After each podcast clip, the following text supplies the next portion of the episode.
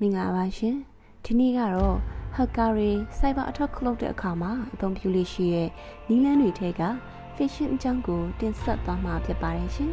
ဒီလူများသိရှိပြီးသားဖြစ်တဲ့ငါးမြားချင်း fashion နဲ့အသံလွတ်တူတဲ့ fashion ကလည်း လိုချင်တာလေးတွေရှိလို့ဖြားယောင်သွေးဆောင်ပြီးမြားတာမျိုးကိုဆိုလိုပါတယ်ဒီလိုမြားတဲ့နေရာမှာ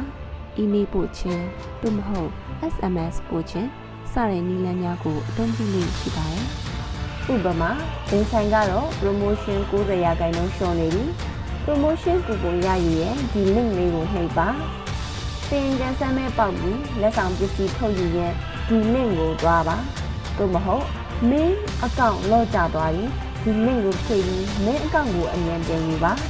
သို့မဟုတ်မိမိနဲ့ခင်မီရင်းနှီးတဲ့လူတစ်ယောက်ရဲ့အစီအမဆုံးအခက်အခဲကိုဖြေရှင်းဖို့အရေးကြီးလို့ဒီ link ကနေတည်တင်ပေးပါစသဖြင့်လူတွေရဲ့စိတ်ကိုမျှားခေါ်တဲ့အကြောင်းအရာတွေကို SMS သို့မဟုတ် email ကနေပို့တတ်ပါတယ်ရှင်။ပို့လာတဲ့ email ကိုနှိပ်မိသွားတဲ့အခါ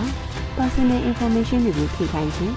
password ရိုက်ထည့်ခိုင်းခြင်း စသည်တို့ကိုပြုလုပ်ပြီးမိမိရဲ့ data တွေကိုခိုးယူတတ်ပါတယ်ရှင်။ဒါအပြင်အမျိုးသားများအကြိုက်အကြောင်းအရာတွေနဲ့သွေးဆောင်ပြီး link ပေးတာမျိုးလည်းရှိတတ်ပါတယ်ရှင်။အသက်16နှစ်ပြည့်ပြီလားဒါလေးတော့ဖြည့်ပါဆိုပြီးငွေတက်ကြရဘဏ်အကောင့်စတာတွေကိုတောင်းချင်းဖြစ်ပါတယ်။ထို့မြောက်မကမိမိယုံကြည်ရတဲ့သူ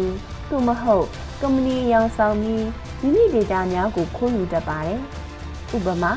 SMRD ကဒေါ်လာ90ပြန်ပေးနေပြီ။သို့မဟုတ် NTUC ကဒေါ်လာ300ပေါင်ချအရယူပါ။စသဖြင့်နာမည်ကြီးကုမ္ပဏီများရဲ့ logo တွေကိုအသုံးပြုပြီးမိမိ data များကိုခိုးယူခြင်းဖြစ်ပါတယ်ရှင်။ဒါကြောင့် link တစ်ခုကိုနှိပ်တော့မယ်ဆိုရင်